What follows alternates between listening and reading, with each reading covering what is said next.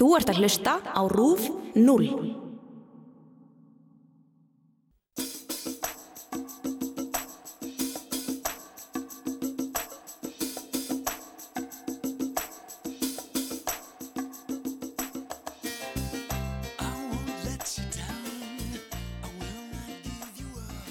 Mörg okkar hafa heyrti flegt fram að samkynneið finnist í öllum dýrategundum en að við mennirnir séum eina tegundin sem mismunni út frá henni. Því er merkilegt að hugsa til þess að orðið gagkynneið hafi ekki orðið til fyrir nárið 1868. Orðin samkynneið, tvíkynneið, trans og öll önnur orð um kynneið eða kynvitundfóls urðu ekki til fyrir en ennsetna og mörg eru þau raun glæni í. Tungumálið okkar hefur auðvitað mikil áhrif á það hvernig við getum tjáð okkur um okkar kynneigð og kynvitund og er okkur því mjög mikilvægt. Ég hef oft á tíðum fengið spurninguna hvort orðið hinsegin tröflu mig ekki, þar sem ég sé ekkit öðruvísi en gagkinneitt fólk.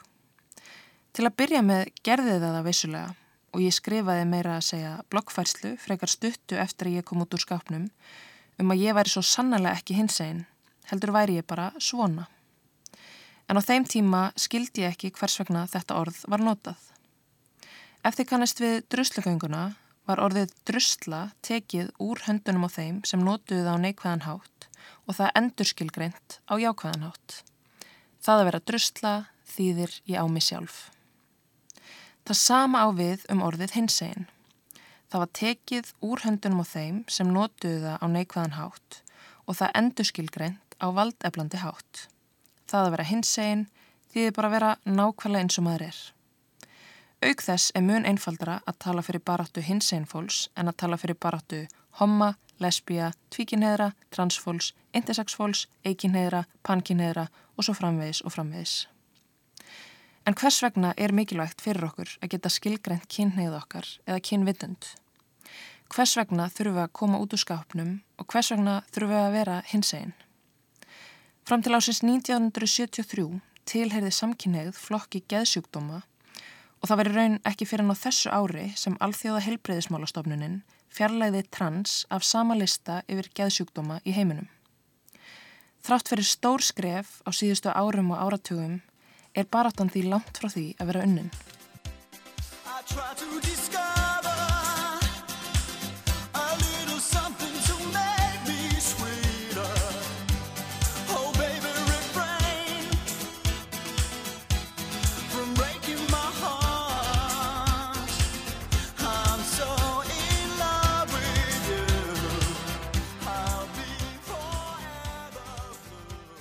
Kæru hlustendur, velkomnir að tækjunum.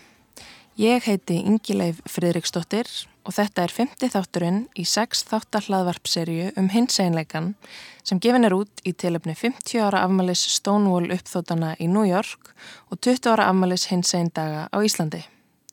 Þessi þáttur er tilengaður tungumálunu og hinseinleikanum og langaði með því að hefja þáttinn á að heyra í Þorbjörgu Þorvaldsdóttur, formanni samtakana 78 og málfræðingi. Hún þekkir hinsæðilegan vel, bæði á eiginskinni og í tungumálunu. Heil og sæl Þorbjörg. Komdu sæl. Hvað segir þið gott? Það er alltaf finna. Er það ekki? Jú, en þú? Mjög gott.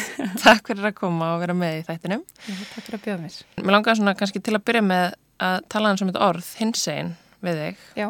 Uh, að því ég veit að það trublar ennþá marga og trublaði með aðeins í byrjun Eh, kom til að ég svona fór að skilja hvaða snýrist um. Já. Eh, en já, getur þú kannski svona aðeins útskýrt hvers vegna við notum þetta orð, hinsegin? Já, sko upphálega það var hinsegin notað, þetta er auðvitað bara aðeinsvar, svona á hinsegin, mm -hmm. eh, en hinsegin var notað á niðrandi hátt um hinsegin fólk mm. eða fólk sem að, sem að var bara homo og lesbjur og, og fólk sem að var eitthvað utan svona normsins og það sem við höfum gert við orðið hinsegin er dæmi um uh, svona endurheimt hugtaka mm. þannig að við höfum gert orð sem að var niðrandi að jákvæðu hugtaki Mitt. og það sem að hinsegin gerir er raun og veru að ná yfir alla flóru samfélagsins sem er utan normsins þannig að við erum uh, þannig að það er svona, já, þetta er reglífa hugtak Mm. Þannig í staðin fyrir að tellja upp hérna L, G, B, T og svo framvegs að þá getum við sagt hins einn og, og þá náum við yfir alla. Emmett. Og er ykkur mörg á því hvar hins einn endar eða er það bara allir sem að falli ekki inn í þetta svo kallega norm? Það er svo spurningin hverja við viljum kalla hins einn og, og hverja ekki. En það hefur, já, þetta eru þá yfirleitt það fólk til dæmis sem að finnur, finnur skjól eða hérna hjá samtökunum 78 til dæmis Mm -hmm. og, og það er svona upptalning á, á þeim hópum sem að, sem að við uh, gætum réttinda hjá. Emmett. Og svo reglífi hefur náttúrulega bara stækkað á undanförnum árum og, og áratugum ekki satt. Jú, hún hefur gert það. Já. Koma, komið fram fleiri skilgreiningar og, og svona þetta hefur orðið, orðið nákvæmara Mhm. á mörguleiti. Já, gott að geta átt pláss undir þessara reglíf sama, sama hvernig maður skilgrænir sig innan þessara hins einn flóru. Já, alveg 100%. Mér finnst sjálfur mjög gott að geta sagt að þessi hins einn Mm -hmm. af því ég þarf þá að geta skilgreina minn hitt nánar þannig sé sko. Eh, reyndar eru ennþá margir sem að halda hins einn þýði bara annarkvort þá með lesbija Já, ok. og hérna, og það kemur alveg upp líka. Já. En eins og ég er tvíkineið og mér finnst gott að segja að ég sé hins einn og þá líka finn ég svona, ég finn til samkendar með öllu öðru hins einn fólki og Mhm. mér finnst gaman að vera hluti af því mengi. Emmett. Svona maður getur samsama sig með hófnum. En uh, varandi svona þessa hugtaka nótkun og eins og nefnir hérna svona endurheimt hugtaka, Já. er þetta ekki svipað og var gert með orðið queer í, í enskri tungu? Jú, ég held það. Ég held, sko, ég held að fara eitthvað aðeins eftir svæðum hversu mikið það er notað. Mm Um, en ég, svona, já, ég verða veikina ég skamt að ég þekki það, þekki queer einhvern veginn ekki, ekki kannski eins vel -hmm. og nákvæmlega hvernig notkunnin á því er og hvað skýrskotum það hefur. En, en jú, það hefur verið, verið endurheimt og var notað á niðrandi hátt um Mhm. fólk. Þannig að það var svona endurheimt í pólitískum tilgangi. Emmett. Og máli er með svona endurheimt hugtaka er að það gerist ekkit átakalust. Þú veist, það er erfitt að stíga skrefið og byrja að nota orð sem að hefur verið nota á niðrandi hátt um hann e, á jákvæðan hátt og það þarf svona átak til þess að, til þess að gera það. En það var náttúrulega gert hér og með það góðum árangri að ég allavega persónulega hugsa ekkert tvisar um þetta uh, og mér finnst svona, já, mér finnst alltaf lægi að vera hinsegin, þú veist, að vera ekki svona, og heldur að vera hinsegin og vera öðruvísi Mm. og ég held að, ég held að í þessu orði felist líka einhvern veginn svona uh, sátt við það að vera öðruvísi og Mhm. að við séum fjölbreytt og að hinsegin fólk sé ekki eins og þetta norm sem að við viljum kannski öll upp við eða mörg. Emmett. Ákveði frelsi kannski bara. Já, Ég var einmitt líka að tala við hann Felix Bergson e, í öðrum þættinum já, og hann einmitt talaði um líka að orðið hommi hefði verið svo rosalega niðrandi á sínum tíma algjörlega. og það hefði verið svona pælingar um að kannski bara reyna að finna eitthvað nýtt orð Já. En að svo hefði samfélagi bara svona ákveðið ok, við skulum bara taka þetta orð og, og við skulum einhvern veginn gera það okkar og maður hugsa sér náttúrulega ekki tvisarum í dag þegar maður segir hommi Þú veist, það er bara jákvætt og, og ekki niðrandi orð að mínum andi og, og áauðvitað ekki að vera það Nei, nákvæmlega. Þetta er svona, maður tekur aldrei vopnin og snýr þeim í höndunum á fólki. mm, Nákvæmlega Það er bjútið við þetta. Það er nefnilega mjög gott. En uh, hvers vegna er að þínum að þið mikilvægt að við getum orðað okkar kynneið eða kynvitund eða kynntjáningu í tungumálun okkar? það er til þess að við getum talað um um okkur og um það sem að gerir okkur sérstök Mm. og við höfum náttúrulega svona tilneyingu bara almennt til þess að búa til orði yfir það sem við þurfum að tala um og ég held að ástæðan fyrir því að það er svo mikið að nýjum skilgreiningum og, og nýjum orðum og hugtökum það snýst í raun og veru bara um það að við erum að tala um fleiri hluti og við viljum geta átt orði yfir fleiri hluti Mm. og þetta hjálpa líka uh, við að finna, finna sér samfélag Mm. með að finna að, annað fólk sem að hérna, notar sömu skilgreiningar og, og svo leis Emmett. En þetta orðalag eins og koma út úr skápnum eh, sem að hljómar mjög svona hátíðlega eins og svona að töfna koma út úr einhverjum skáp. Veistu hvaðan þetta kemur og, og finnst þér orðalega af þessu tægi vera orðið úreld í dag? Sko, ég held að ég fari rétt með þegar ég segja að þetta komi, þetta er í raun og veru blanda af tveimur svona myndkvarfingum. Mm. Þannig að, að í bandaríkanum fyrir setnastrið að þá uh, þá komu kom, komu, þetta voru held ég aðalega homar, þeir komu út eða þú veist, það var að tala um coming out Mm. á einsku uh, á svona stórum dansleikum sem að voru svona dragböll Mm. og, uh, og þetta var svona vísun í það að þessar æ, ég þekkir þetta ekki svona þessar svona þegar konur af uh, efri stjættum mm. þær eru kynntar fyrir samfélaginu fá lóksins að koma á svona böll, Einmitt. Þú veist, það, er tala, það er talað um coming out Já, svona verið að, að hérna sína þessa, þennan einstakling veginn. Já, Fara að og sig og- já, hjá kongafólki, þú veist, að kynna fyrir hyrðinni og allt þetta og, og núna er hún hérna, tilbúin til að gifta sig og allt eitthvað svolítið. uh, og þeir sem notuðu þetta orðalag um það í raun og veru þá að koma og hérna, koma út fyrir samfélaginu sínu, Já, þú veist, ekki fyrir endilega ytra samfélaginu. Einmitt. Og síðan er önnur svona, hérna, svona myndlíking eða myndkönning sem sem er notið í emsku, það er að vera með svona beinagrindi skápnum, svona ske- skeleton in the closet sem er svona uh, eitthvað sjokkrandi lindamál Mm sem að þú heldur lindu.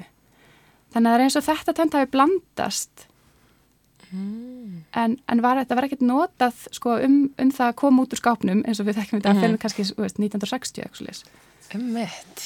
Þannig að þetta er svona að koma út fyrir samfélaginu en líka að hérna, koma fram með eitthvað sem að þú hefur haldið kannski lindu. Einmitt. Afhjúpa hérna lindamálun í skapnuðinu. Já, akkurat.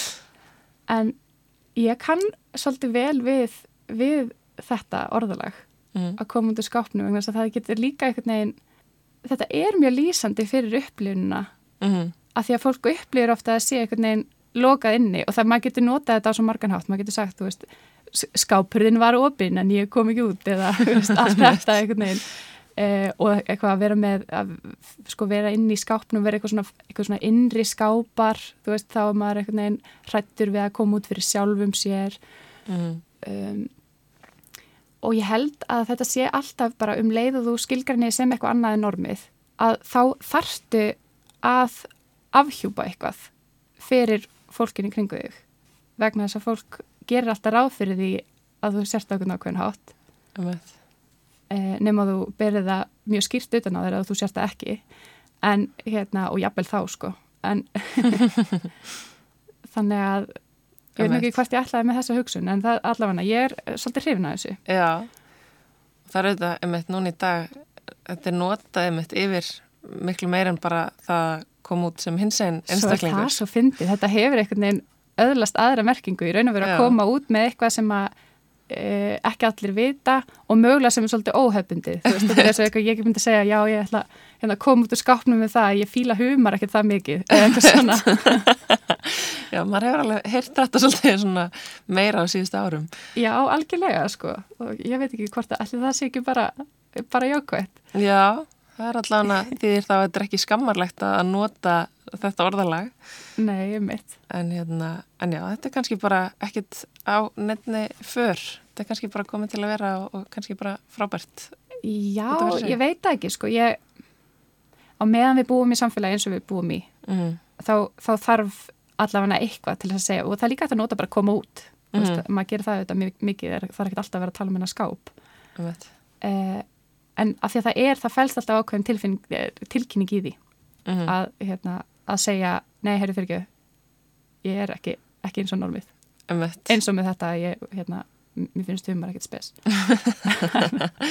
algjörlega, ok, samt algjörlega ósambærilegar sambærilegi hlutir en hérna en já, ég held að, held að maður þurfi við þurfum allavega eitthvað orðalagt til þess að geta, geta tala um þetta Einmitt. Það er svona þetta gagkinneiða norm sem að við lifum í. Það er einhvern veginn alltaf gert ráð fyrir að allir séu gagkinneiðir eða sískinja þá að annað kemur í ljós einhvern veginn. Þannig að þetta er kannski svolítið partur af því líka.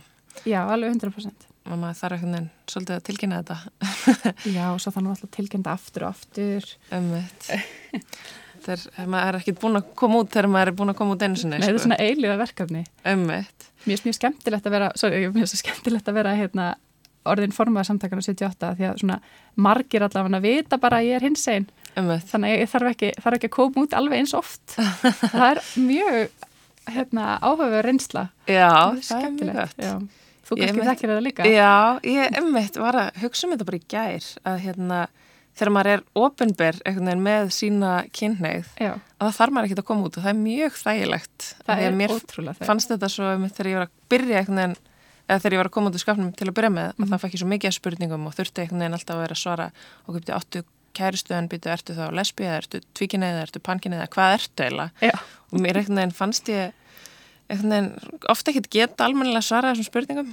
En það er mjög fínt bara að fólk veit bara að maður er hins einn og, og þá þarf maður ekkert að útskýra það neitt Nei. nánar, einmitt, mjög hendugt það En uh, uh, það er náttúrulega núna á undanförnum árum búin að koma bara hafsjór af nýjum hugtökum inn í tungumálið og bara nýjum orðum inn í tungumálið sem að fylgja þessum hinsegin veruleika. Já, Uh, finnuru fyrir því að fólk er erfitt með að tilenga sér ný hugtök eða, í sko ég held að fólki er erfitt með að ná utanum sumar skilgrinningar mm og skilji bara ekki alveg hvað fælst í því til dæmis að vera kynsegin emmett. Um, og ég veit ekki þú veist, við höfum í raun og veru, við, það er búið að smíða mikið af nýjirðum með þessast íslenskum heitum yfir, yfir margar af þessum skilgreiningum. Og þau eru svona í mismikilli nótkun en það er líka bara e, tilfellið með öll nýjirði að sum ná í gegn og önnur ekki. Mm en, en ég held að m, sko samhliða þessu þá, þá snýst þetta líka um það að, að fólk einhvern veginn kannski skilur ekki alveg -hmm. til hvers við erum að nota þessu orð eða hvað nákvæmlega skilgeringi þýðir og það er náttúrulega kemur fræðsla svo stert inn. Mm. Uh, og ég heyrt til dæmis fólk sem er virkilega að reyna og er að reyna til eitthvað til dæmis fornafni hán -hmm. fer, fer sen að nota hán sem nafnorð. Já, og, og myndi þá segja þú veist, Þorbjörg er svona hán Akkurat. Þorbjörg er hán eða já, eitthvað þannig að Þorbjörg er svona hún. Já, einmitt, það, já, bara nákvæmlega, já. það er samverlegt og það, þú veist, og þetta er það mjög skiljanlegt þegar, það er- eitthvað komin sérstaklega við erum að bæta við hérna kerfisorði og allt svoleiðis. Mm en, e, en já, með svona hugtök þá, þá tekur það bara tíma og tímunum bara leiðiljós hvað af þessu svona lifir af og -hmm. fyrir hvað við höldum áfram að nota e, enskeiti, Mm en ég held að e, já mörg af þessum orðum er mjög vel hefnið þannig að það kemur bara, kemur ljós Emmett.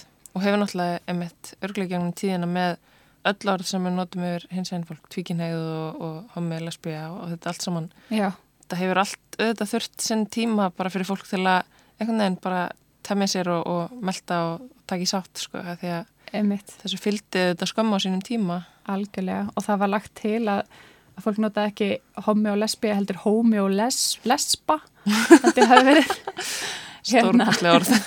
80 eitthvað sko þá, þá fannst, fannst fólki einmitt og vildi komast hjá því að hérna, þessari niðrandi merkingu og, og allt svo les og vildi hérna, búa til eitthvað svona hljómfögur íslensk orð en málið er, það skiptir rosalega miklu máli hvaðan þessi viðletni kemur Einmitt. af því að ef þetta er eitthvað fólk í valdastöðu sem er ekki hins einn og allar ekki nota þessu orðum sjálft sig veist, þá, þá er það bara dæmt til þess að mistakast. Mm að allar að hérna, þinga fólk til þess að nota einhver orð. Þannig að það er mjög rosalega mikilvægt að svona veist, að nýja skilgarningar og, og svoleiðis komi bara úr grasrótinni. Mm. Allir það hefði ekki líka verið bara svona almennt í gegnum tíðina þegar uh, fólk sem er ekki hluti af hins eginn samfélaginu hefur ætlað að búa til ykkur orð eða, eða skilgreina okkur sem hóp á einhvern hátt þá hefur það kannski ekki flotið jafnvel og ef að bara við sjálf fáum að taka orðin í okkar eigin hendur og, og skilgreina okkur á okkar hátt. Já, það er bara nákvæmlega málið Alveg. það er nákvæmlega málið, það skiptir rosalega miklu máli að, að fólk hafi frelsi til þess að gera það Mm. e, fyrir sig sjálft Emmett. Og það líka kannski kemur aðeins inn á hérna bara það að, að, uh, að því að nú verðist emmett margt fólk ennþá eiga erfitt með margar ásum skilgreiningum og skilur ekki og þarf rosa mikið að fá svör við í hvers vegna fólk skilgrenni sig á okkur nákvæðin hátt. Mm -hmm. en á meðan það gerir mig hamingi sama skilgrenni með eitthvað neginn eða þig hamingi sama skilgrenni á annan hátt. Já, það er eitthvað neginn svona það, mér finnst að setja alltaf hlutin í samingi af hverju, í hvað stöðu er ég þá eða næsti maður til þess að dæma eitthvað fyrir Mhm. það hvernig viðkomandi skilgrenni sig. Nei, algjörlega. Og ég held það er stundum þannig að fólk verist einhvern veginn gera, gera þá kröfu á mann að maður útskýr allt algjörlega í þaula. Mm -hmm.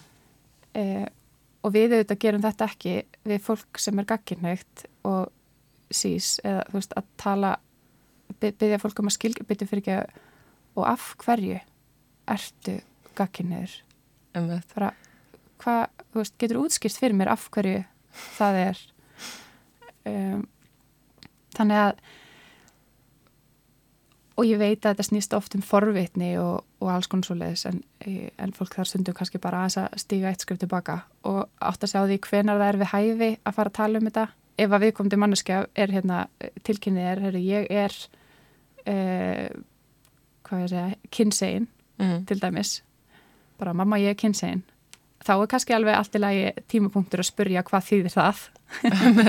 Og svo framvegis en ef þú hittir einhvern í, í partí og þú veist að viðkomendir er, hérna, er hins einu okkur nátt að þú veist að þú komur ekki og, og svona uh, látir, látir spurningaflóðið dinja á, á viðkomandi. Ef það kemur ekki frá hérna, frá mannskinu sjálfri. Emmett og líka maður hefur oft veltið fyrir sér ef að ef þú myndir ekki spyrja hvað kynni eða sís mannsku að Mhm. einhverju spurningu hverju ættir þá frekar að spyrja hins s- sömu spurningu? Maður hefur oft fengið Já. konar spurningar um kynlíf og, og alls konar sem að fólk kannski myndi ekki spyrja kynni eða sís mannsku Nei, nákvæmlega. Og ég held að, ég held að það sé einmitt mjög góður mjög góður punktur og mjög gott að fólk velti þessu fyrir sér. Mm -hmm. og, og hugsi mitt fyrst er ég að fara mynd, myndi ég að spyrja eitthvað gagginniðan að þessu? Emmett uh, og svo líka ef að, ef að fólk er virkilega forvitið. Veist, ég get alveg verið í þannig skapi að það liggi bara þannig á mér ég er alveg tilbúin til þess að, til þess að tala um alls konar hluti. Og, og það er kannski líka bara minn persónleiki en, og líka svona dagsformið. Og þegar ef að fólk kemur þú veist, ég kann rosalega vel að meta ef fólk er eitthvað svona, heyrðu, ég er að spá, ég er með nokkra spurningar og mér langar svo ótrúlega að vita uh, um ymsa hluti sem að tengjast í að vera hinsegin. Mm uh, og spurja mig fyrst hvort þið megi spyrja. Emmett Þú veist, auðvitað setur það kannski, setur mann stundum í óþægilega stöðu, en ég er alveg grimmi að segja nei, sko, þú veist, ef ég nenni ekki að fara út í þetta eða eitthvað svo leiðis að Einmitt. ég kann að metta ef fólk spyr.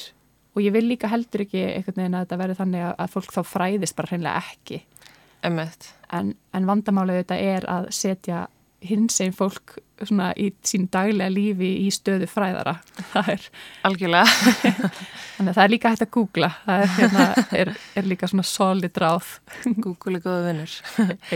En uh, nú hef ég bara svona persónulega tekið eftir uh, þegar ég er að hitta ungt fólk í dag að það er svona, held ég að mínum að þið allan það sem ég hef séð verist vera aukning á því að ungt fólk er bara svolítið afneitt þessum skilgreiningum og segja bara já ég bara kýsa skilgreina mig ekki mm -hmm. ég ætla bara að laðast að þeim sem ég laðast og hef ofta mitt hitt þú veist, úlinga sem eru bara já ég ákjærast að núna en kannski eitthvað tíman mun ég laðast að stelpu Mm -hmm. Veist, er þetta eitthvað sem þú heldur að sé að breytast, veist, eru skilgreiningar bara að fara að heyra sögunni til eða, eða er þetta bara, bara breytt viðhorf nýrar kynsluðar?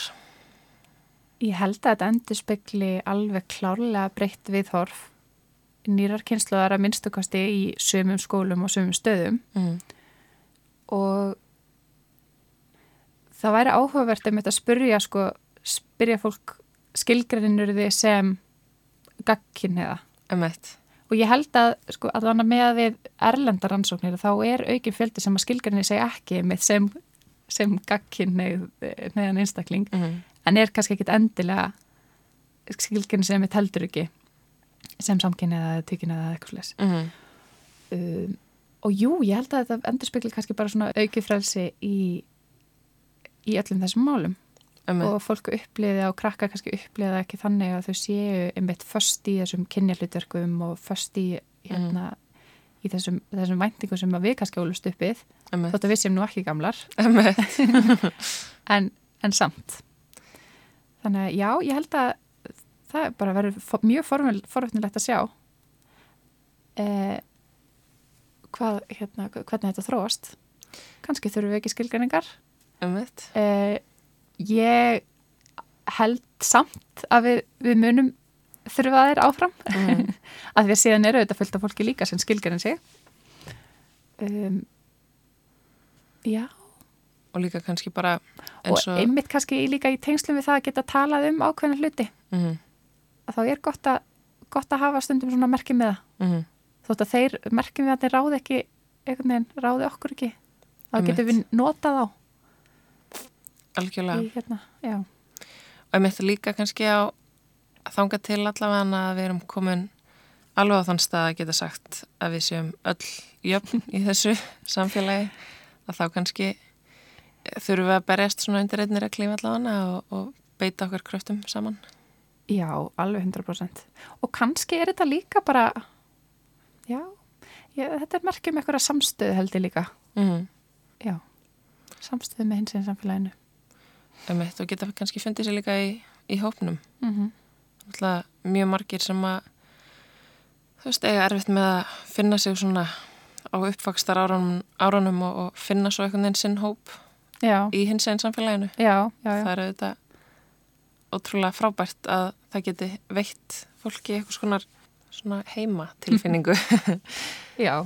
en já, við erum kannski ekki alveg komin á þann stað að geta sleppt öllum skilgreiningum í dag. nei, ekki en þá En það er aldrei að vita kannski hvað framtíðin fer í skauti sér. Já, en við, þetta er líka bara, þú veist, það er einhvern veginn að ég er svo ánað með að við erum á þeim stað núna að við fögnum því hvað við erum fjölbreytt Mhm. og hvað við erum, og að við mitt að við séum svolítið öðruvísi og að það megi allir vera öðruvísi og, og allt þetta. Mm.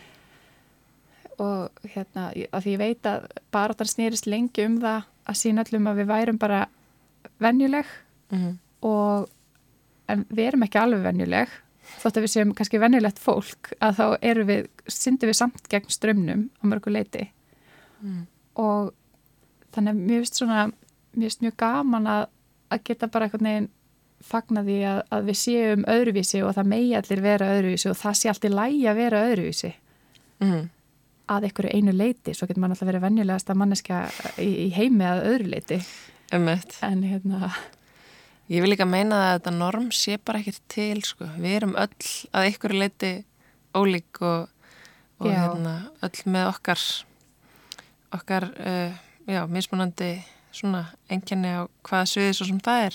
Já, algjörlega. Og svo bara sum, og svo bara mismunandi eftir sko hversu, hversu djúft þetta liggur. eins og Mhm. kynheit og, hérna, og kynvitund og slíkt, þú veist, þetta liggur náttúrulega mjög, mm. e, þetta, er, þetta er rosalega persónlegt og, og mjög, hérna, og mjög mikilvægt í lífi fólks. Emmett. Og þannig að, hérna, en það er líka mikilvægt að við áttum okkur á því, þetta, veist, það er átak, það er átak að koma út. Mm. það er hérna átak að, sætta sig við það að vera öðruvísi á eitthvað hátt sem að er e, alveg dálítið afdrifur ykkur fyrir lífið þitt. Mm. þannig að jújú, jú, við erum öll öðruvísi en, hérna, en það er svona Mísamt hversu. misjant hversu mikið og hversu, hvernig það er ykkur, ég, nú finnst mér ég alveg komin út í eitthvað svona hugarleikum sem er ekki ég veit ekki hvort það skýri nokkuð út fyrir neinum en það er svona Jú, mér finnst þetta með skemmtilegar pælingar og líka með þetta með skilgreiningarnar að, að það líka þú veist, má alveg kannski taka fram þú veist, að emi, þó svo að séu margir sem að kjósa skilgreinis ekki þá er þetta samt svo stór hluti af er svo stór hluti af sjálfsmynd uh, svo margra Já. sem að emitt finnst það að skilgreina sig emitt að því þetta fer svo djúft þú veist, þetta er ekki bara þetta er ekki bara, mér finnst gaman að gangi í rauðum sokkum eða eitthvað, þetta er bara Nei, þetta er, veginn, þetta, þetta er svo samofið inn í sjálfumanns Mm þannig að um, það eru svo margir sem að einmitt eru á móti því að við hættum þessum skilgreiningum af því að það er svo stolt af því að vera hins einn eða, Já, eða já, hvernig svo sem það skilgreina sig algjörlega. Og svo eru þetta bjútið við þetta ágæta hins einn hugtak. Mhm. Að ef að þú vilt ekki skilgarna sem homma, lesbíu, tvíkina, einstakling, eða eikin eða einstakling eða, hérna, eða trans eða, eða hvað það er, Mhm. um, að þá, þá getur þú skilgrandi sem hins einn einstakling. Þarft Mhm. ekki að fara dýpra en það. Einmitt. En hérna, já, svo er líka, þú veist, það er margt í þessu eins og til dæmis, þú veist, menningin sem að tilherir hommasamfélaginu. Mhm. Það eru bara ára týr af, af svona, af, af menningu þarna Einmitt. sem að maður skilur svo vel líka að þú viljir, þú veist, viljir tilhera því. Algjörlega. Já, og sama, sama með fleiri hópa. Einmitt. En hérna, já. En það er kannski mitt bara í staðan að minka að fólk sé að skilgrann sé bara 100% gagginægt. Já, ég held að segja frekar í þá áttina. Einmitt. Að fólk sem að er gagkinneitt en opið, Mhm. vill ekki útiloka Mhm. eða, eða eitthvað svo leið, sko. Mhm. um, eða sem sagt, já, vill, vill auðvitað ekki skilgjana sig þannig að kannski hérna, ekki rétt að mér að segja að þau séu gagkinnið uh, Einmitt. Það minnstu kannski ekki 100% gagginægt. Nei og hérna eru kannski á einhverju, einhverju svona spektrumi Mhm. Ég mitt sá mjög áhugaverða rannsókn sem var gerð í Breitlandi núna bara fyrir nokkrum vikum síðan. Já, og ákvaða ganni að prófa að setja inn á hinsegleikan inn á Instagram svona könnun. Já, uh, og þar er vissulega ekki kannski hlut uh, hópur í heimi sem er að fylgjast með. En þar voru hlutföllin mjög svipuð meðan það er mjög skemmtilegt, svipuð og í þessari könnun. Þetta var gert í Breitlandi á einhverjum nokkur þúsund ungmennum. Já, og þar voru 60% sem að sögðu nei, er ekki 100% gagkinniður, einstaklingur. já, uh, og það voru mjög svipur hlutfall á hinsegleikanum, það voru 60% sem sögðu nei, ég er ekki, ekki 100% gagkinniður já, þannig að það er, það er hérna uh, já, ég held ég að lesa það. Þetta var í fyrsta sinni í sögu Bretland það sem að kemur svona könnun það sem að meira en helmingurinn segist ekki skilgrann sig sem gagkinniðan einstakling, þannig að áhugaverð þróun. Það er mjög áhugavert. Og ég enda að hugsa um sjálfa mig á þessum aldri, þú veist, 15-16 ára kannski mm. þá var ég ekkert, ég var ekkert komin til skápnum eða búin að hérna, átta með einu neinu. Ég hefði líklegast ekki valið að ég væri 100% gagginheið í svona könnun. Emmett Uh, síðan náttúrulega kem ég út sem tvíkinheið sem þýður auðvitað að ég er eitthvað staðar hann á milli mm. en, en ég áleitt, þú veist, mér finnst þetta það hérna stór og merkilegu partur af mér að ég vil setja merki með hann. Veist, þannig að það er svona Já, svo eru kannski ekkit, svo er kannski fólk sem að, sem, fólki sem að líður eins á úlingsárunum sem að sem að síðan fer ekki alveg þangað. Veist, þannig að kannski er þetta bara já, þetta er bara ekki frelsi held ég. Þetta mjög jákvætt og mjög gott. Mjög sammála því. Því Þetta er líka bara veist, að, að krakkar hafi þá um eitt meira frelsi til þess að til þess að bara fá að prófa alls konar og, og vera þau sjálf. Mm. og komast svo bara að eitthvað neðstöðu eða ekki. Emmett Eitthvað emmett sem að maður kannski hefði alveg þurft á að halda á þessum árum. Já, algjörlega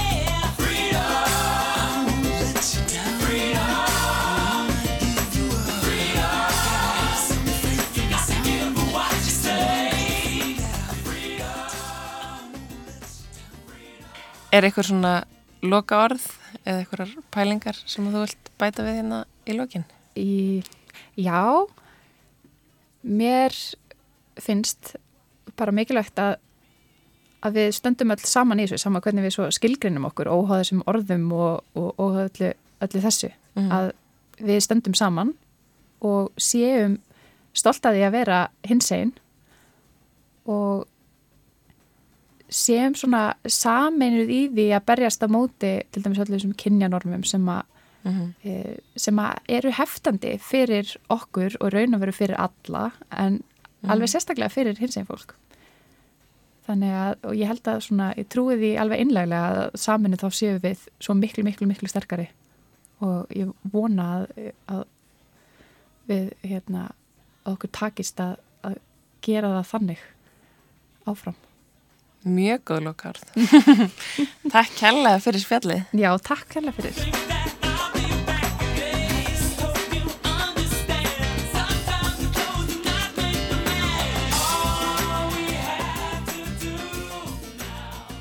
Já, frelsið er svo sannlega mikilvægt.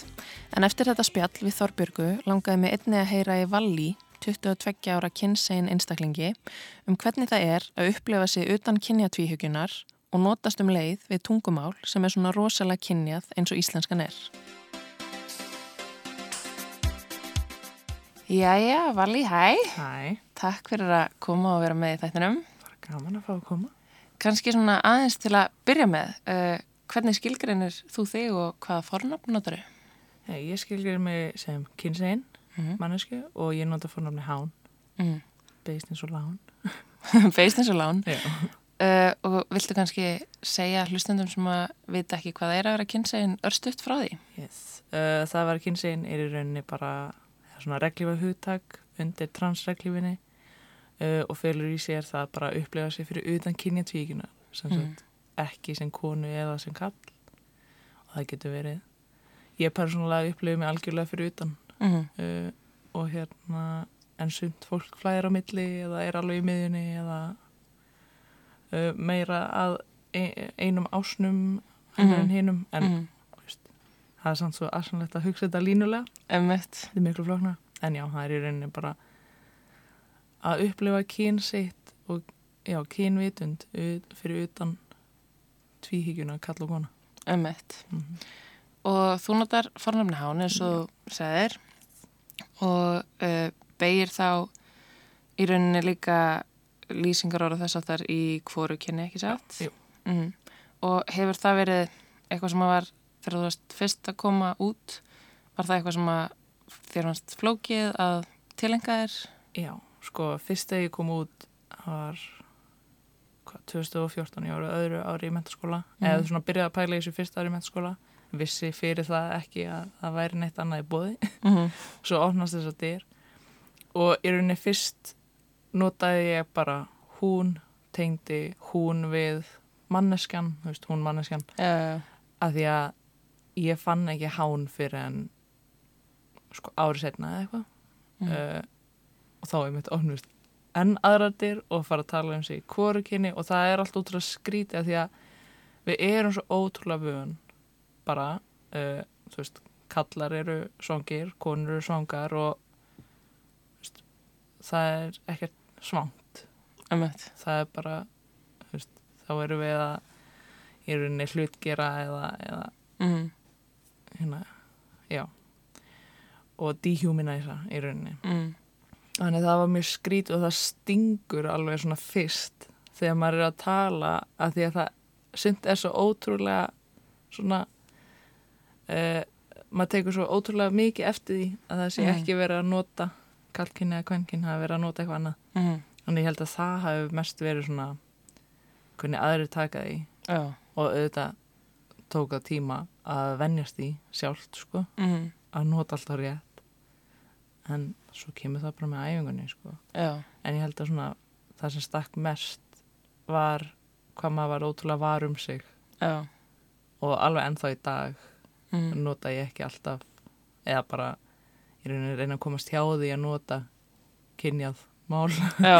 eða lýsingarorð uh, til þess að komast hjá því að kynja mig þá annarkvort í hverju kynni eða já, já. Svo náttúrulega búum við við mjög kynnið tungumál. Já. Það er í rauninni, þetta væri öðru þess að þú verður að tala ennsku til dæmis, ekki sett? Jú, og ég meina það er á ákveðin tíma tímabili þá tala ég bara ennsku Mm. við ákveðin, þú veist, hópa fólki Mm. hinsegin fólki, Mm. að það var ekki pláss fyrir okkur í tungumálinu. Emmett.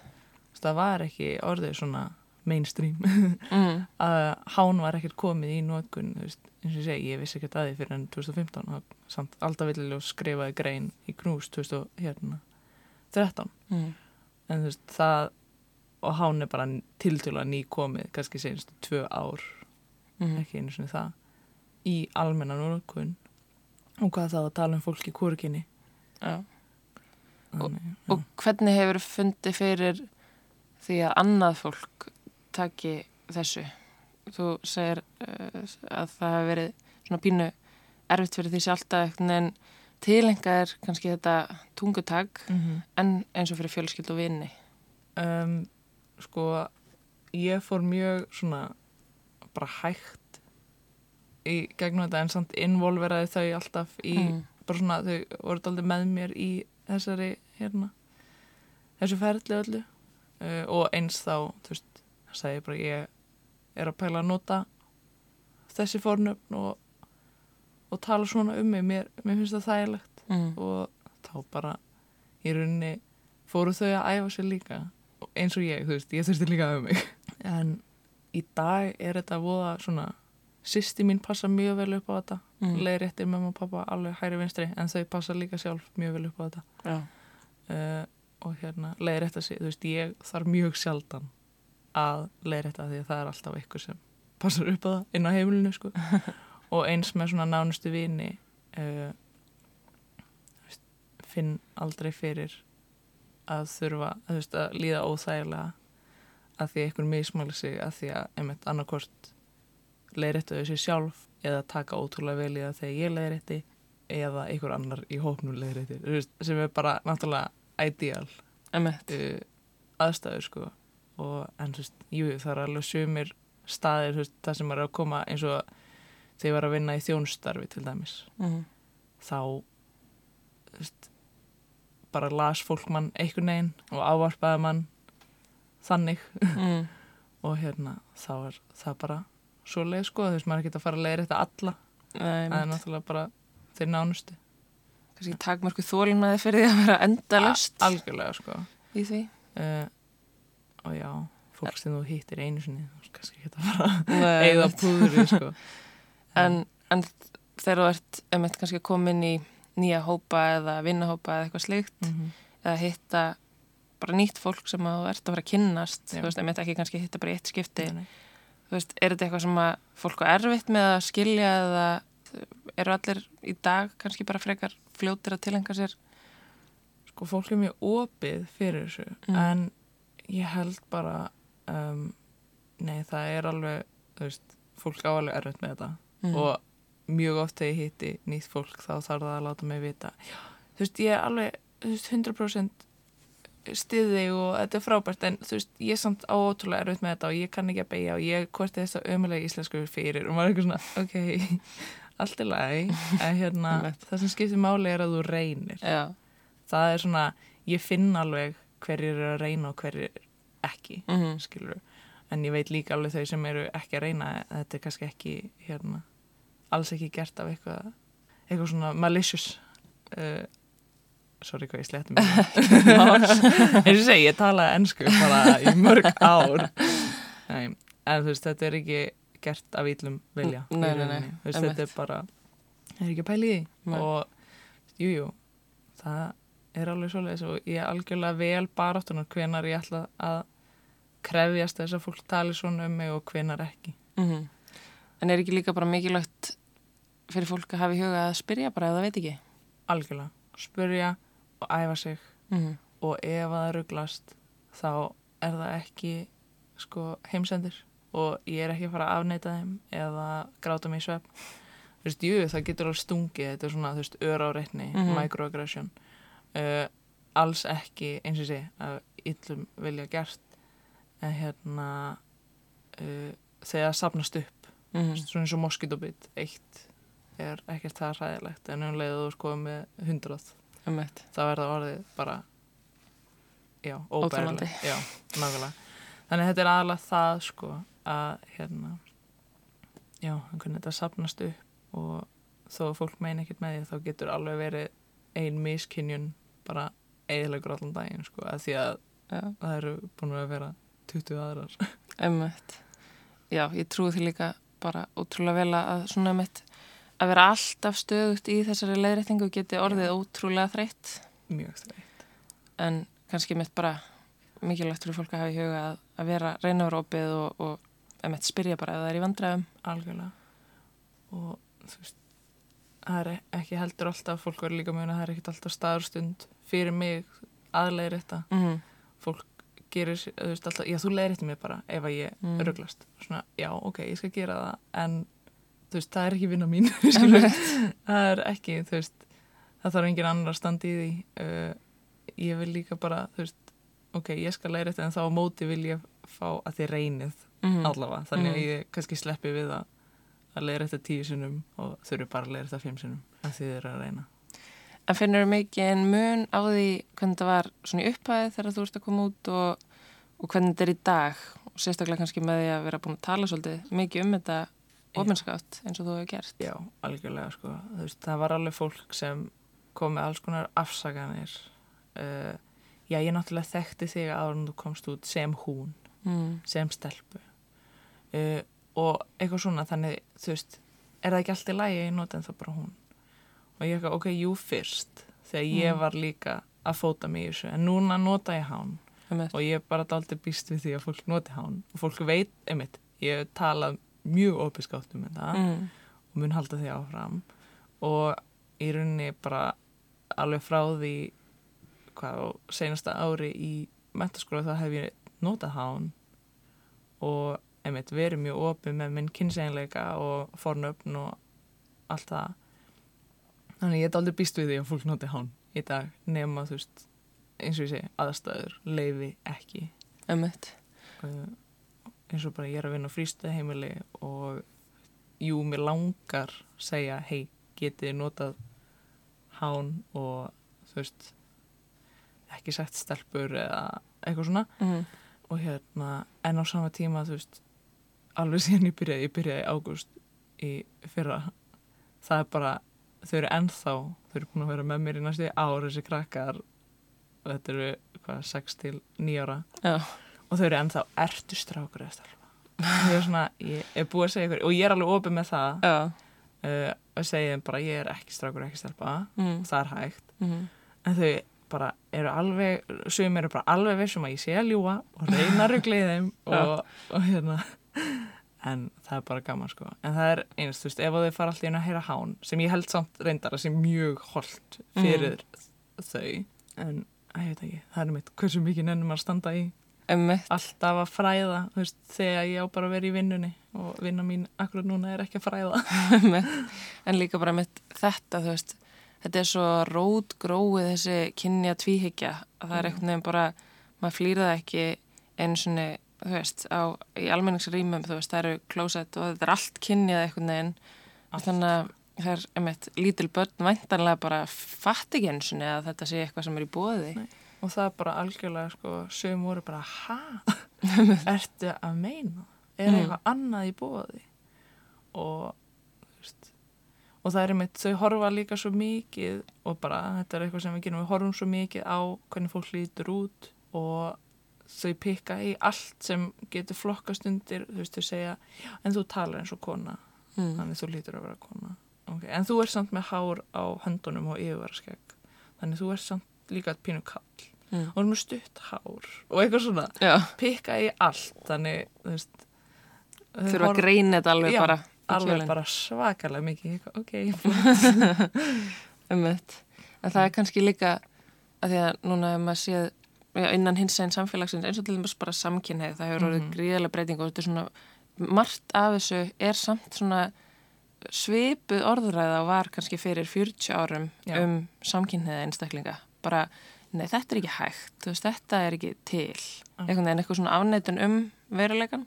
algjörlega Þannig að hérna, að þessi barátt að því hún er tölvöld nýrri, mm þá kannski á bara, þú veist, þarf bara að gjör já, umbylta einhvern veginn þessum kynja tvíhyggju viðhorfum í samfélaginu.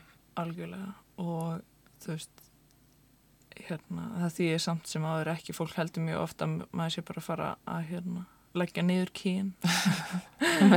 Og við þurfum öll bara að vera uh, kynsegin og kynlaus og Mm. og hérna, en það er ekki það sem snýst um sko uh, hollur kvenleiki og kallmennska er náttúrulega bara geggjaður. Og þú veist, það við tilengum okkur jákvæð í rauninni engin, persónu enginni eins og bara, veist, samkend og, Mm og styrkleika og hérna, sjálfstæði og eitthvað svona en það sem maður vill svona daldi leggja niður hvað var það þess að tvíhyggju er einmitt þetta toxic masculinity, femininity þetta hýper uh, svona eiga konur að vera í uh, þessu hinu og svona eiga kallar að vera sem er svona já, komið mjög vel á veg með að brjóta það upp kallar að mála sig og þú veist, þá er ég að tala um sís fólk. Sís kallmenn mála sig og er í kjólum og það er orðið bara gegja. En það sem svona vantar pínu upp á er að það sama gildi um transkallmenn. En svo ég hef tekið mikið eftir því að það er bara svona verið að þröngva ennþá transfólki, bænar í transfólki inn í hýper stálmyndinar Já, sem er stór hérna uh, bara stór galli og ekki gott og í rauninni það sem við þurfum að, að vera að gera er að grafa undan kynni tvíkinni og leifa fólki bara að vera eins og það er og ef það segist vera kona en er með skegg og klæði sig einhvern veginn bara sem er ekki kvennlegt að þá bara er viðkomandi kona ef að viðkomandi skilgrinni sér þannig. Einmitt. skiptir ekki máli hvernig tjáning viðkomandi er. Og eins með þú veist kynsegin fólk. Kynsegin fólk getur verið hvernig sem er í útliti og mála sig, verið í kjóla þó, kjólum þó að þeim hafi verið útlitað kvenkinu við fæðingu, Mhm. gerir þau ekki minna kynsegin. Og ef þeim hefur verið útlitað kallkinu við fæðingu geta þau samt verið með stutt hár og skegg og um allt það sko. Og samt sem hafa verið kynsegin. En við horfum svo ótrúlega mikið á kynntjáningu og, og jú, að mörguleiti helst kynntjáning eitthvað í hendur hjá mjög mörgum við kynvitund. Mm. En bara alls ekki hjá öllum og ég held að það sé svona það sem við þurfum að byrja er bara að fatta að við getum litið hvernig sem er út og þá er ég þannig transfólka því að það er frekar mikið komið hjá sísfólki en það er ennþá svona smá Mm. uh, litið hvernig sem er út og erum samt sem áður það sem við skilgrunum okkur sem Akkurat. Snýst það mitt kannski svolítið bara um að búa til þetta pláss. Að leifa fólki svolítið bara að skilgrann sér sjálft en ekki vera alltaf að horfa einhvern veginn á útlitt fólks og skilgranna það út frá manns eigin hugmyndum. um og einmitt, þú veist, transfólk þarf ekki endalust og bara hins eginn fólki yfir hugið þarf ekki endalust að vera að sanna sig það er Mm. alltaf, já, ok, þú segist vera þetta en þú ert svona eða þú veist, þú segist vera tvíkinni en þú hefur bara verið með köllu skilur við, Akkurat. sannaði fyrir mér að þú sést tvíkinni Já.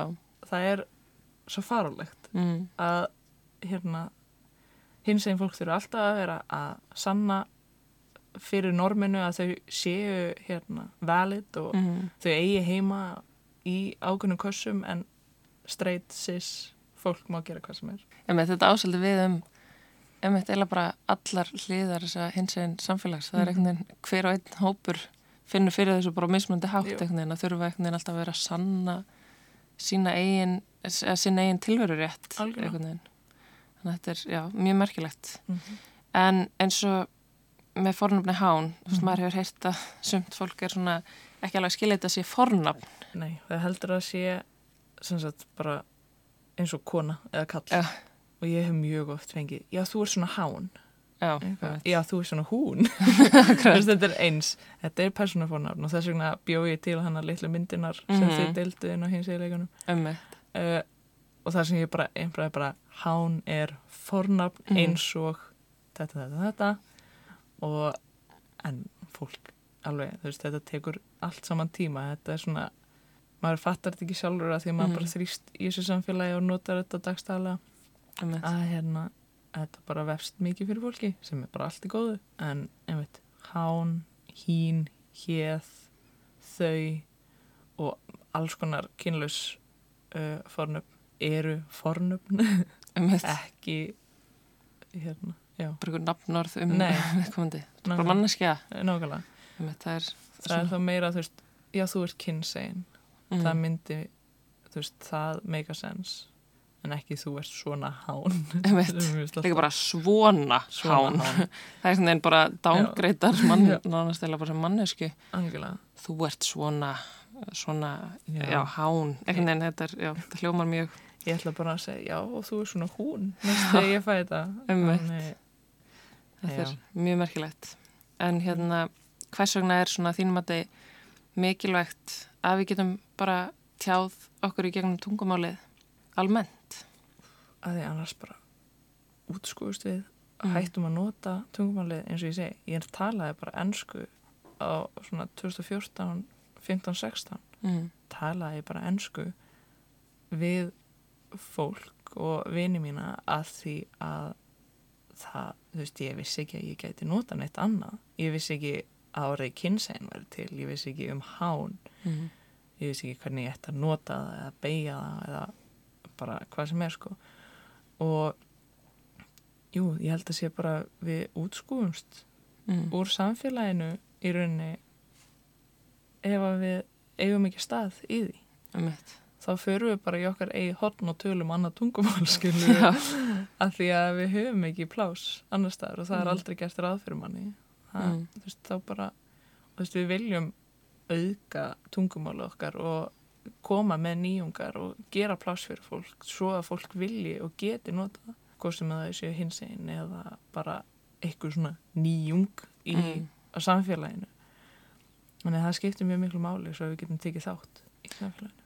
Einmitt. Mikið af fólki sem er mjög umhugað einmitt um það að íslenskan mun ekki degi út eitthvað tíman þannig að það ætti einmitt að líta á þetta sem tækifæri til þess að auka tungumálið. 100% sko og fólk segir oft, já þú getur ekki bara fyrir að búa eitthvað orð til Mm, uh, öll, veist ekki. öll orð eru búin til Einmitt, þannig af hverju ekki einmitt.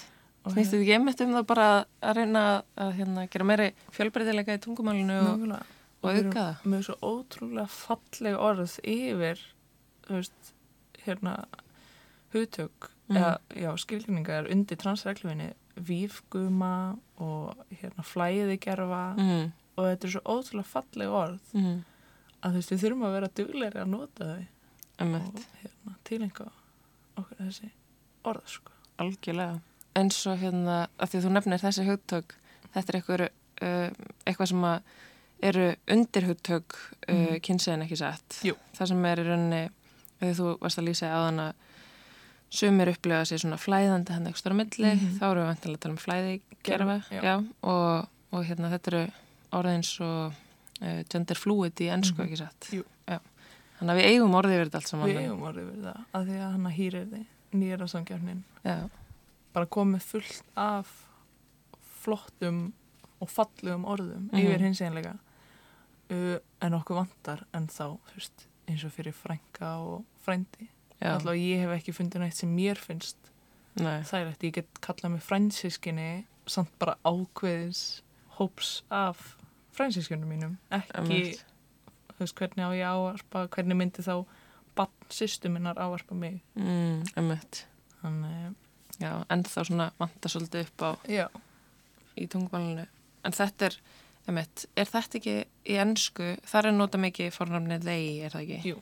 og þeir hefur alltaf verið uh, kynlaust Já. fornafn sem sagt í eintölu Mm. það er náttúrulega fleirtölu og það er líka til í eintölu og hefur alltaf verið eða mjög lengi verið notað Mm. uh, yfir mannesku sem þú veist ekki kynið af í staðan fyrir að segja he or she veist, Já, sem já. er bara algjör óþarfi Einmitt. Og þar er vantanlega, þarf ekkert mikið að pæli eins og, já, þessum orðum sem að vera flækjast kannski fyrir okkur hérna í íslenskunni. Er það ekki bara meir og minna orð sem að eru kynlaus í tungumálinu í ennsku? í rauninni það, þú veist, þau eru með þeir og þess vegna er enska eitthvað sem fólk og ungt fólk Mm. uh, sem eru að fóta sig í þessu fer mest í að því að þau eru með þeir og þau þurfa ekki að kynja sig eins og í, við þurfum að kynja lýsingur Einmitt. Þú þarfst alltaf að kyn, kynja þig ef þú ert songur eða svöng eða svont Mm. en þú er bara hungry Já, á ennsku skilu, þú þarft aldrei þú getur átt í algjörlega kynlausum samræðum um Mhm. þig og aðra á ennsku en þú þarft að fara svo marga krókarlegir í íslensku og sem ég hef alveg gert eins og þegar það er ekki staður og stund til þess og mér líður ekki vel Mm. hvorki að kynja mig rámt eða þá að kynja mig rétt að fara bara svona, já, ég þarf mat. Og eitthvað, þú veist, í staðan fyrir að ég er svo svant Já, þannig að þetta er svona, já. Einmitt, til þess að bara forðast flækjunar kannski sem að Já. til þess að forðast að að sitja í hálftíma að tala við fólk og fræða þau um eitthvað. Mm, mm, uh, eins og bara á djamminu til dæmis sem ég lendi Mm. mjög oft í. Mm, að fólk kannast við mig eða er vinur vinar og svo sit ég klukkutíma af mínu djammi að tala við oftast mjög fulla mannesku sem skilur ekki neitt að því sem ég er að segja og rugglar öllu saman og ég er svona, ok langar bara að skemmta mér en Einmitt. fínt að taka þetta spjall Já, það er emitt, þetta er mjög svona uh, vannþakklátt starf sem þú hefur verið að sinna Já, á djáminu hérna, já, á djáminu og víðar þú veist, að því að, að því að auðvitað er þetta ótrúlega þreytandi, get ég ymda mér. En á sama tíma er þetta örgulega að hjálpa ótrúlega mikið af fólki að skilja betur og algjörlega og það er bara það sem í rauninni fær mann til að gera þetta og ég held að mjög mikið af aktivistum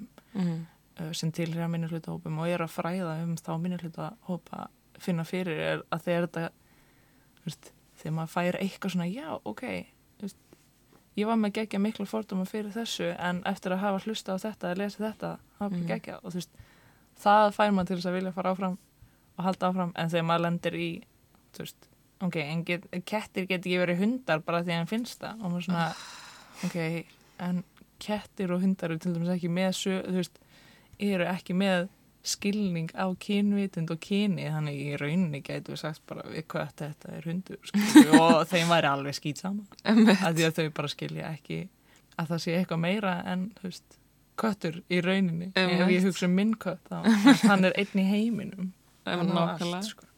líka bara ef köttur vil vera hundur eða hundur vil vera köttur, verður það ekki bara snilt nákvæmlega, bara gott í þeim skilur og þetta líka, fólk tekur þessu alltaf eins og þetta sé ekki ekki persónulegt. Mm þú vil bara vera vera eitthvað svona og, og hvað ég að gera við því? Og maður svona, þú þarf ekki að gera neitt. Emitt, lítið á þessum eitthvað árás á sig. þú þarf ekki að gera neitt, þú þarf ekki að skipta um veist, það hvernig þú talar. Þú þarf ekki að breyta neinu við sjálf þig, þú veist, sem Mhm. mannesku ég ætla bara að fá að lifa mínu lífi. Eða þú ert eitthvað á móti því, þá bara máttu eiga þig skilur, þarft ekki að vera í uh, hérna samskiptum við mig, ef Mhm. að þeir finnst þú svona ræðilega það er bara flott hjá þér skilur þú veist, lifðu þínu lífi í veist, litlu búblinu þinni, það sem allir konur eru svona og kallar eru svona og það er Mhm. ekkert annað til mm. en þú veist, ég ætla að fá að lifa þá fjölbreyttara og skemmtilega lífi með fjölbreyttu og flótu fólki emitt það er emitt magna að fólk skuli fólk skuli, emitt, taka þetta svo svona inn á sig eins og Já. þetta hafi eitthvað með annað fólk að gera það snýst bara um það að fá að upplifa sjálfan sig og sjálft sig í samræmi við tilfinningarna sínar og hvernig mann, mann er líður. Og fólk fer þá alltaf sko í einmitt tungumálið. Mm. veist, núna þarf ég að fara að passa hvað ég segi og það má ekki lengur og, og þetta fólk er svo brjálað ef að ég segi hún í staðin fyrir ég veit ekki hvað og eitthvað svona. Mm.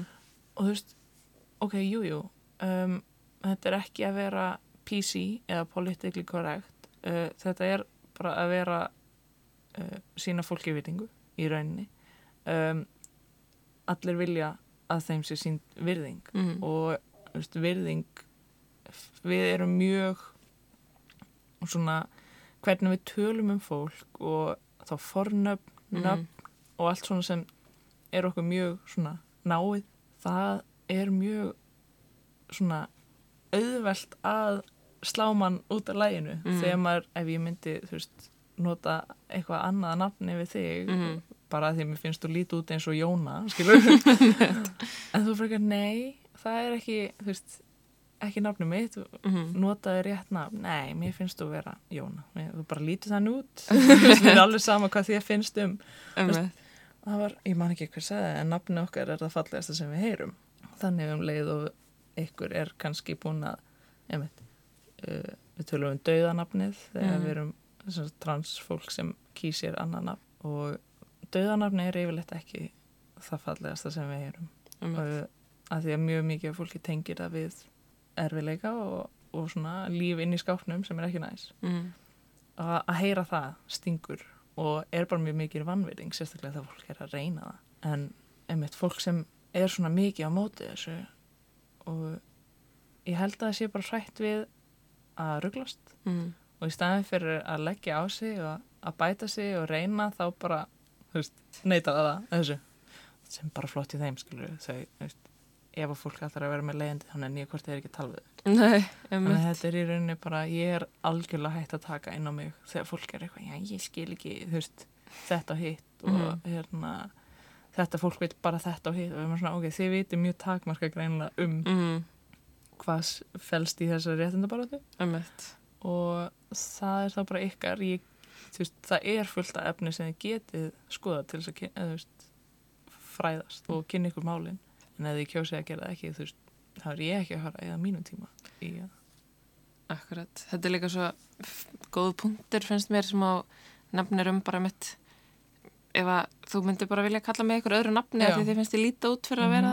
Þú veist, það er mitt, þetta er nákvæmlega sama. Bara nei, ég ætla bara að ávarpa þig sem konu eða sem kalla því mér finnst þú vera það. Einmitt. Bara ég er ekki neittni stöðu til að segja hvað mér finnst þú eiga að vera. Það er einhvern veginn algjörlega á skjön við bara all- allt einhvern veginn. nákvæmlega.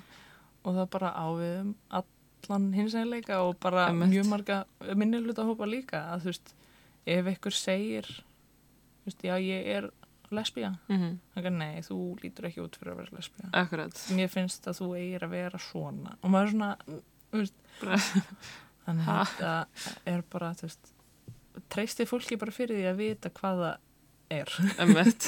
það er svona það sem við þurfum aðeins að tilenga okkur uh, við vitum yfirleitt ekki betur bara mjög sjaldan vitum við betur en Mhm. manneskan sjálf Emmett. uh, og einmitt ef að fólki vantar að setja sig í spórin þá er það bara einmitt þú veist ef að einhverja manneski dreymir um að vera söngari eða eitthvað Mhm. þú veist og það eru það er eitthvað manneski kringu því sem bara nefnir finnst þú eftir að vera bókari já, eða þú veist þetta Nákvæmlega. bara þú, þú getur ekki alltaf að stýra fólki og því hvernig fólki líður bara út frá þinni eigin hendi sem við nei, alls ekki sko. það er mjög merkilegt þetta er alveg ótrúlega áhugavert að hérna þessi svona, já, afskiptasemi já, En það er gott að heyra að þú blokkir það bara út ef, að, Já. ef að það kemur ég, upp. ég hef ekki tíma fyrir það sko. Það er mjög gott. Það er eitthvað sem þú vilt bæta við í lokin um þetta eða hvernig fólk getur kannski ef að það skilur ekki eða, eða vill samt einhvern veginn kannski reyna að skilja eða gera sitt besta. Mhm. Þú veist, ertu með eitthvað ráð fyrir fólk? spurja Já. uh, áttur, staður og stund Mm. hvenar þú uh, og það líka fyrir eftir manneskunni þú veist, þekkir manneskunni vel eða ertu að hitta hann í bónus í fyrsta skipti skilur um, bara spurja og vera mjög þú veist, hlusta, meðtaka læra og svo miðla þegar þú getur það Mhm. uh, það nefnilega hjálpa mjög mikið að að skilja er að miðla því sem þú hefur heyrt til annara Mm. um, eins og bara fóldra mínir eru ofta að gera uh, og mamma kemur alltaf mjög stolt heim úr vinnunni ef að það er einhver umræða um transfólk eða eitthvað Mm. já, svo segi ég bara þetta og, og hérna en svo er líka Google besti vinnumanns bara, þú Mhm. getur fundið fullt af frábærum uh, greinum og persónlegum sögum og fræðigreinum og ég veit ekki hvað og hvað um kynsinleika og Mm. hins einleika bara yfir höfuð svona alltaf Ö til A er hérna uh, frábær síða þar sem er bara hægt að fletta upp eiginlega öllu um hins einleika uh, þannig já, netið og bara fólki í kringu þig það skiptir bara miklu máli að spurja. Það er bara í alveg það fyr- fyrst skrifið. Mm. og að afla sér þessar upplýsinga og við mitt hafa opin huga og ekki fara að reyna að grafa undan því sem ykkur er að segja. Það er voða oft, já, en. Það er ekkit, það er ekkit en. Ekkit enn. ég hef fengið sko, já, en líffræðilega séð. Og það er svona áfurnveg ekki einu svona fara onni þá hólu að því að þú veist greinlega ekki nógu mikið um líffræði nema Einmitt. bara það sem þú lærið í áttundabæk Mm. Mm. Þannig uh, líffræði er miklu flóknar og það er náttúrulega tveggja tíma spjall sko. En svo er mitt vantanlega líka bara fyrir fólk sem þekkir einhverja kynsegin einstaklinga að vera ekkit feimi við að leiðrætta til þess að viðkomandi einstaklingu þurfi ekki alltaf að vera sjálft í því að, að sjálfur í því að vera einhvern veginn að leiðrætta alla. Algjörlega, það er bara einmitt skiptir mjög miklu máli er þú veist bara að annað fólk taki upp þú veist, taki slægin og taki upp hanskan fyrir manni að því að Mm. þú veist, ef ykkur ef þið sjáið mannesku sem hérna, eða verður vitni að því að það er verið að drulla yfir ykkur fyrir bara kynseginleika sinni eða Mhm. bara hvernig viðkomandi er þú veist, komið og hjálpið skilur. Eða reynið að svona taka viðkomandi úr aðstæðum að því það er ekki alltaf næs að Mm. sitja undir öllu draslinu sem fólk eins og bara þegar það var verið að tala um mig á, í kommentakerfum á vísi Mm. hérna, þú veist, þá var ég með alveg fimm vini bara inn á Facebook á línunni sem voru bara að læka öll mín komment og setja inn annað veist, bara svona litli hlutir Einmitt. Að geta allavega að vera með einhvern hóp sem er tilbúin að stíga inn í Já. og segja hei er allt í lagi eða einmitt leiðir þetta aðra Einmitt. Þetta eru mjög góði punktar og hérna bara ótrúlega áhugavert spjall þannig að mér langar bara að þakka að kella fyrir komuna er mig? og bara takk fyrir að vera með í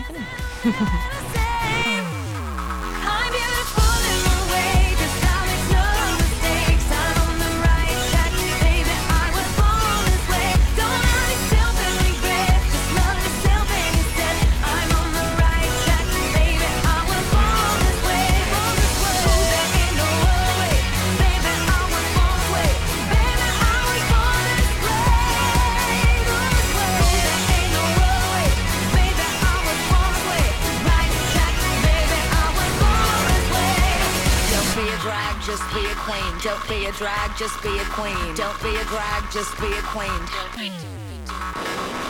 Give yourself prudence and love your friends. Subway kid, rejoice your truth. In the religion of the insecure,